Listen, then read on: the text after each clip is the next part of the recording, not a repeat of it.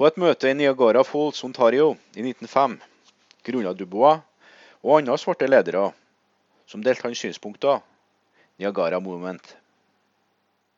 Medlemmene av Niagara-gruppa slutta seg til liberale og radikale hvite for å organisere National Association for the Advancement of Colored People, NAACP, i 1909. NAACP, tidsskriftet Crisis, redigert av Dubois, ble et effektivt talerør for afroamerikanske borgerrettigheter.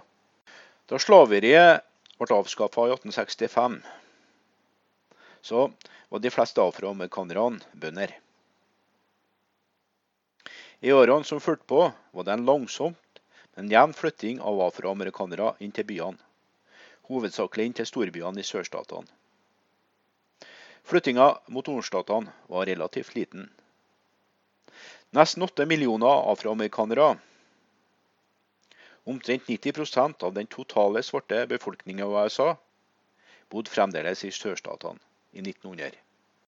Mellom 1910 og 1920 førte avlingsskader forårsaka av flom og insekter til en alvorlig økonomisk depresjon i jordbruket i sørstatene. Fortvila svarte sverma mot nord i 1905 og 1916, da det var tusenvis av ledige jobber i industrien, som leverte varer til krigen i Europa, og som deretter ble involvert i første verdenskrig.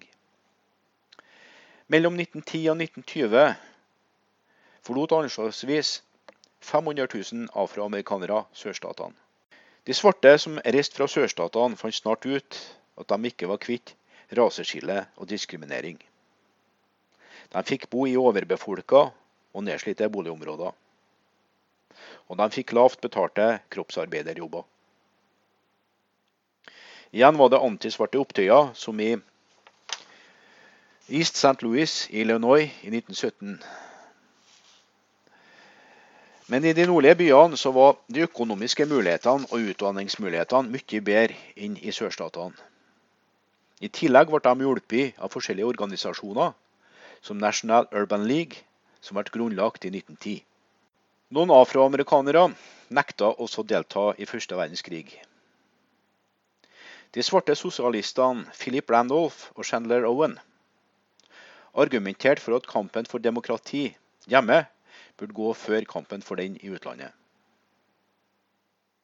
Men da USA gikk inn i første verdenskrig i april 1917, så støtta de fleste afroamerikanerne denne beslutninga.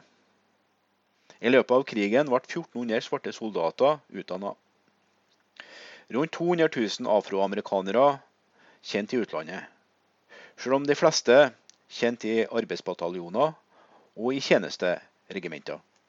I møte med slike vanskeligheter utvikla seg det et nytt syn på hva en neger var, i løpet av 1920-tallet. Det var det stolte, kreative produktet av den amerikanske storbyen. Veksten av rasestolthet blant afroamerikanere ble sterkt stimulert av de svarte nasjonalistiske ideene til Marcus Garvey.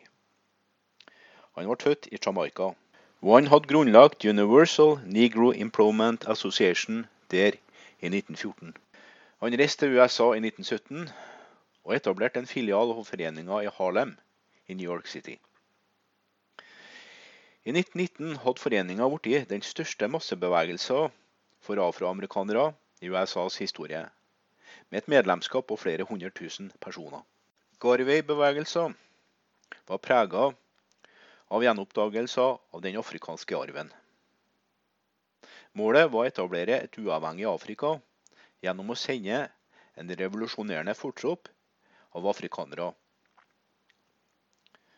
Garvis store tiltrekningskraft blant fattige afroamerikanere ble imidlertid ikke populær i den svarte middelklassen, som mislikte hans arroganse og hans hån mot deres lederskap. En av Garvis skarpeste kritikere var faktisk Web Dubois, som delte Garvis grunnleggende mål og organiserte en serie små, men stort sett ineffektive panafrikanske konferanser i løpet av 1920-tallet. Garvey-bevegelsen opphørte etter at Garvey ble fengsla for svindel i 1925, og han ble sendt tilbake til Jamaica i 1927. Oppblomstringa av afroamerikansk kreativt talent innen litteratur, musikk og kunst på 1920-tallet var sentrert i New York City og ble kjent som Harlem-renessansen. I likhet med Garvey-bevegelsen var den basert på en økning i rasebevissthet blant afroamerikanere. De viktigste bidragsyterne til Harlem-renessansen omfatta ikke bare veletablerte litterære figurer som Webb Dubois og dikteren James Weldon Johnson, men også nye unge forfattere som Claude Mackay, hvis militante dikt 'If He Must Die' er kanskje det mest siterte afroamerikanske litterære arbeidet i denne perioden.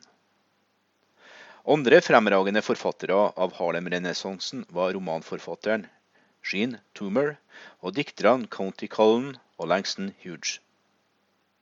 I løpet av 1920-tallet ble malerne Henry Osava Tanner og Ron Douglas, og utøverne Paul Robson, Florence Mills, Ethel Waters og Roland Hayes også i ferd med å bli fremtredende.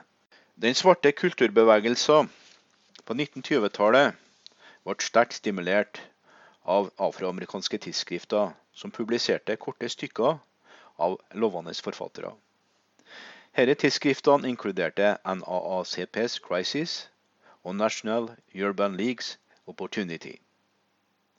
Bevegelsen ble popularisert av afroamerikansk filosofen Alan Locke i The New Negro, utgitt i 1925 av den afroamerikanske historikeren Carter G. Woodson, grunnleggeren av Association for the Study of Negro, Life and History, en redaktøren av Journal of Negro History. Den store depresjonen på 1930-tallet forverra den allerede dystre økonomiske situasjonen til afroamerikanerne. De var de første som ble permittert fra jobbene sine. Og de lidde med en arbeidsledighetsrate som var to til tre ganger større enn den hvite. I tidlige offentlige hjelpeprogrammer fikk afroamerikanerne ofte betydelig mindre hjelp enn hvite. Og noen veldedige organisasjoner utestengt til og med svarte fra suppekjøkkenene. er forsterka økonomiske situasjonen utløste større politisk utvikling blant afroamerikanerne. I starten av 1929 lanserte St. Louis Urban League, en nasjonal kampanje som de kalte 'Jobber for negre'. Ved å boikotte kjedebutikker, som for det meste hadde svarte kunder, men bare ansatt hvite ansatte. Arbeidet med å forene afroamerikanske organisasjoner og ungdomsgrupper førte senere til grunnleggelse av National Negro Congress i 1936 og Southern Negro Yacht Congress i 1937. De svarte ble ignorert av det republikanske partiet på 1920-tallet. Derfor drev de svarte velgerne mot det demokratiske partiet, spesielt i de nordlige byene. I presidentvalgkampen i 1928 stemte afroamerikanere i stort antall på Det demokratiske partiet for første gang. I 1930 nominerte den republikanske presidenten Herbert Hoover John G. Parker til Høyesterett, og han uttrykte synspunkter mot de svarte. NAACP de organiserte en vellykka operasjon mot denne nominasjonen. I presidentvalgkampen i 1932 støtta afroamerikanere den suksessrike demokratiske kandidaten Franklin Delano Roosevelt. Roosevelt-administrasjonens tilgjengelighet for afroamerikanske ledere og New Deal-reformene styrka den svarte støtten til Det demokratiske partiet. En rekke afroamerikanske ledere, medlemmer av en såkalt svart regjering, var rådgivere for Roosevelt. Blant dem var læreren Mary McLeod Bethune som fungerte som den nasjonale ungdomsadministrasjons direktør for svarte saker. William H. Hasty, som i 1937 ble den første svarte føderale dommeren. Eugene K. Jones, som var utøvende sekretær i National Urban League, Robert Wan, som var redaktør av Pittsburgh Courier, og økonomen Robert C. Weaver. Afroamerikanere hadde stor nytte av New Deal-programmene, sjøl om diskriminering av lokale administratorer var vanlig. Rimelige offentlige boliger ble gjort tilgjengelige for svarte familier. National Youth Administration og Civilian Conservation Corps gjorde det mulig for afroamerikanske ungdommer å fortsette å ta utdannelse. Works Progress Administration ga jobber til mange afroamerikanere. Og Federal Writers Project støtter arbeidet til mange svarte forfattere.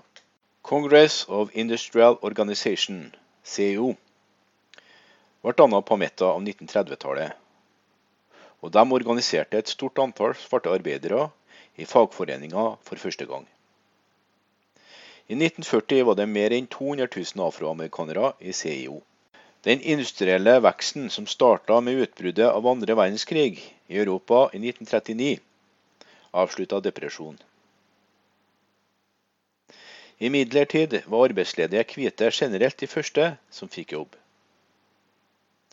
Diskriminering av afroamerikanere ved ansettelser fikk Philip Randolph leder av Brotherhood of Sleeping Carporters, til å true med å arrangere en masseprotestmarsj mot Washington.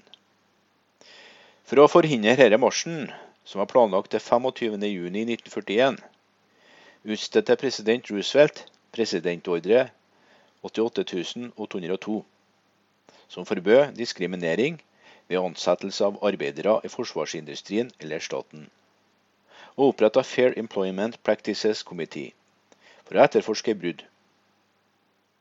Sjøl om diskriminering fortsatt var utbredd, sikra afroamerikanerne seg under krigen flere jobber til bedre lønn i et større utvalg av yrker enn noen gang før. I andre verdenskrig, som i første verdenskrig, var det en masseflytting av svarte fra sørstatene. Denne masseforflyttinga var kjent som den store migrasjonen. Omtrent 1,5 millioner afroamerikanere forlot sørstatene i løpet av 1940-tallet, hovedsakelig for å dra til industribyene i nord. Nok en gang førte alvorlig boligmangel og jobbkonkurranse til økt spenning mellom svarte og hvite. Raseopptøyer brøt ut. Og De verste opptøyene skjedde i Detroit i juni 1943. Under krigen, som USA hadde gått inn i desember 1941, var en stor del afroamerikanske soldater plassert i tjenesteenheter, og kamptroppene forble segregert. I løpet av krigen innførte Hæren offisersutdanning, og Benjamin Davis senior var den første afroamerikanske brigadegeneralen. I 1949, fire år etter slutten av andre verdenskrig, vedtok Forsvaret endelig en politikk med full integrasjon.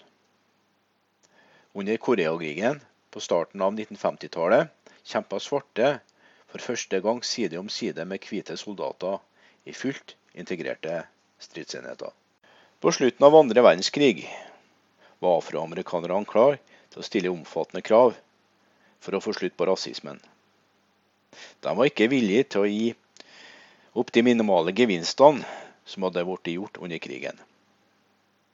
Kampanjen for afroamerikanske rettigheter, vanligvis referert til som borgerrettighetsbevegelsen eller frihetsbevegelsen, gikk frem på 1940- og 50-tallet. For domstolene angrep NAACP avtaler når det gjaldt boliger, segregering i transport mellom statene og diskriminering i offentlige fritidsanlegg. I 1954 avsa USAs høyesterett en av sine viktigste avgjørelser. Høyesterett forbudt segregering i landets offentlige skolesystemer.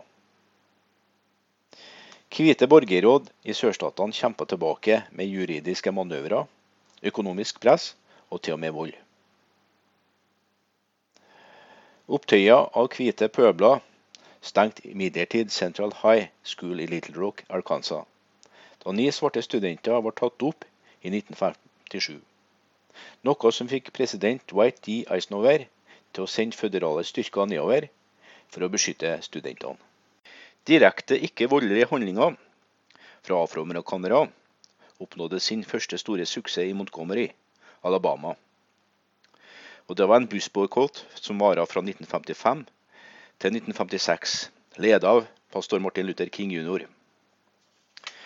Denne protesten ble starta av ei afroamerikansk dame som ble kalt Rosa Parks. Og Hun nekta å gi opp setet sitt på en raseskillebuss til en hvit passasjer 1.12.1955. Motstanden mot afroamerikanske krav om desegregering av bussene i Montgomery ble endelig overvunnet da Høyesterett i november 1956 bestemte at raseskillet på offentlige transporttilbud var grunnlovsstridig. For å koordinere videre sivile handlinger har Southern Christian Leadership Conference blitt etablert i 1957 under Kings ledelse. Innen 15 år etter at Høyesterett forbød det hvite primærvalget i 1944, økte antallet registrerte svarte velgere i sør mer enn fem ganger, og nådde 1 250 000 i 1958. Civil Rights Acts fra 1957, den første føderale borgerrettighetslovgivninga som ble vedtatt siden 1875, ga den føderale regjeringa fullmakt til å treffe lovlige tiltak for å forhindre at en borger ble nekta stemmerett. I starten av februar 1960 i Greensboro, North Carolina, tvang student sitt-ned-aksjoner, kafeteria, i apotek og varebutikker over hele sørstatene til å desegregere tilbudet sitt. I april 1960 organiserte ledere av sitt-ned-aksjoner Student Nonviolent Coordinating Committee, SNCC. Våren 1961 ble frihetsturer i Alabama og Mississippi organisert av Congress of Racial Equality, CORE, under sin nasjonale leder James Farmer. NAACP, SCLC, SNCC og CORE samarbeider om en rekke lokale prosjekter, som f.eks. å registrere svarte velgere i Mississippi i 1961. I april 1964 jobba de sammen for å hjelpe til med å stifte Mississippi Freedom Democratic Party. Aktive afroamerikanere adopterte 'Freedom Now' som sitt slagord for å anerkjenne 100-årsdagen for frigjøringsproklamasjon i 1963.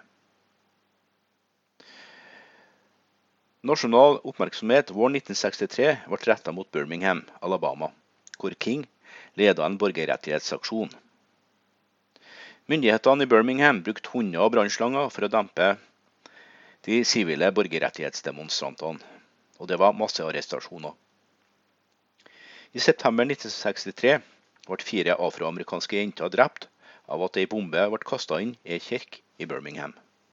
Borgerrettsaktiviteter i 1963 kulminerte i en marsj i Washington, organisert av Randolph og borgerrettighetsaktivisten Bayard Rustin.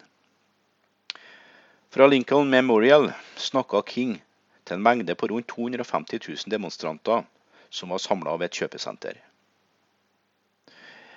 Marsjen var med på å sikre godkjennelse av borgerrettighetsloven av 1964, som forbød diskriminering i stemmegiving, offentlige stillinger og sysselsetting, og tillot justisministeren i USA å nekte føderale midler til lokale myndigheter som praktiserte diskriminering. Innsatsen for å øke afroamerikansk valgerdeltakelse ble også hjulpet av godkjennelse av 24.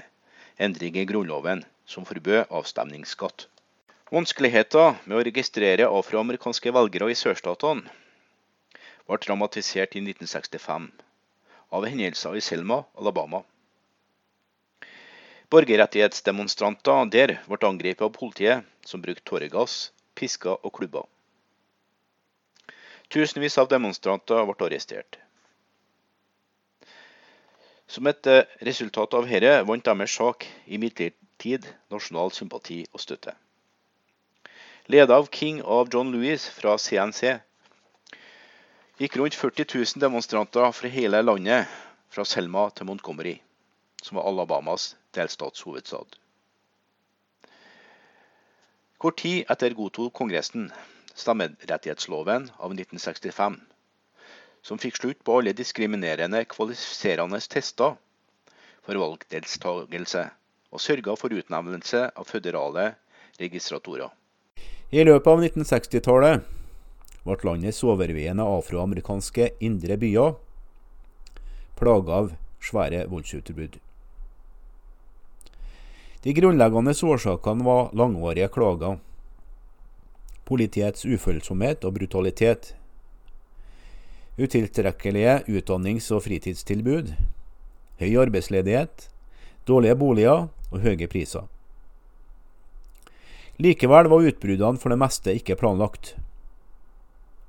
I motsetning til raseutbruddene fra tidligere tiår, da hvite trua afroamerikanere, innebar utbruddene på 1960-tallet plyndring og brenning av for det meste hvite eide eiendommer i svarte nabolag av afroamerikanere. Kampene som fant sted, var hovedsakelig mellom afroamerikanske ungdommer og politiet. Hundrevis av liv gikk tapt, og eiendeler til titalls millioner dollar var dødlagt. De alvorligste forstyrrelsene skjedde i Ås-området i Los Angeles, California i august 1965 og i New York, New Jersey og Detroit, Michigan i juli 1967.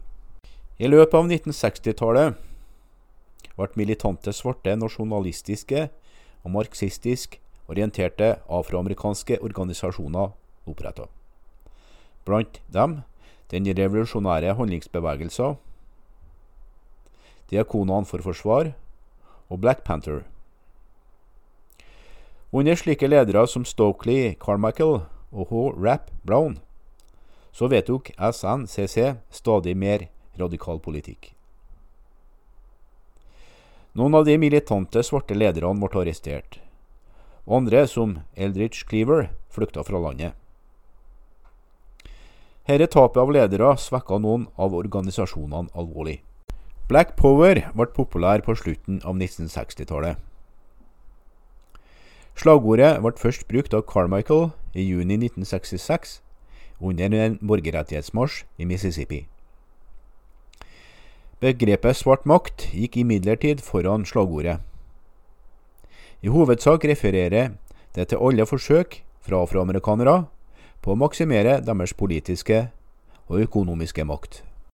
Blant de fremtredende moderne talsmenn for Black Power var Malcolm X, som ble en nasjonal ledende leder på begynnelsen av 1960-tallet, som prest i islam, eller svart muslimsk bevegelse. Malcolm brøt med lederen for de svarte muslimene, Elaya Muhammad, og grunnla Organisasjonen for afroamerikansk enhet, før han ble drept i februar 1965. Black power-bevegelser ble stimulert av den voksne stoltheten til svarte amerikanere i deres afrikanske arv. Denne stoltheten ble påfallende symbolisert av afrofrisyren og de afrikanske klesplaggene, som ble brukt av mange unge svarte. Svart stolthet manifesterte seg også i studentkrav for svarte studier, svarte lærere og dedikerte fasiliteter og bygg, og en oppsving av afroamerikansk kultur og kreativitet. Det nye slagordet oppdatert av Harlem-dikteren Langston Hughes, var 'Svart er vakkert'. Da Vietnamkrigen, der afroamerikanske soldater deltok i et uforholdsmessig høyt antall, hadde en tendens til å dele den svarte ledelsen og avlede hvite liberale fra borgerrettighetsbevegelser.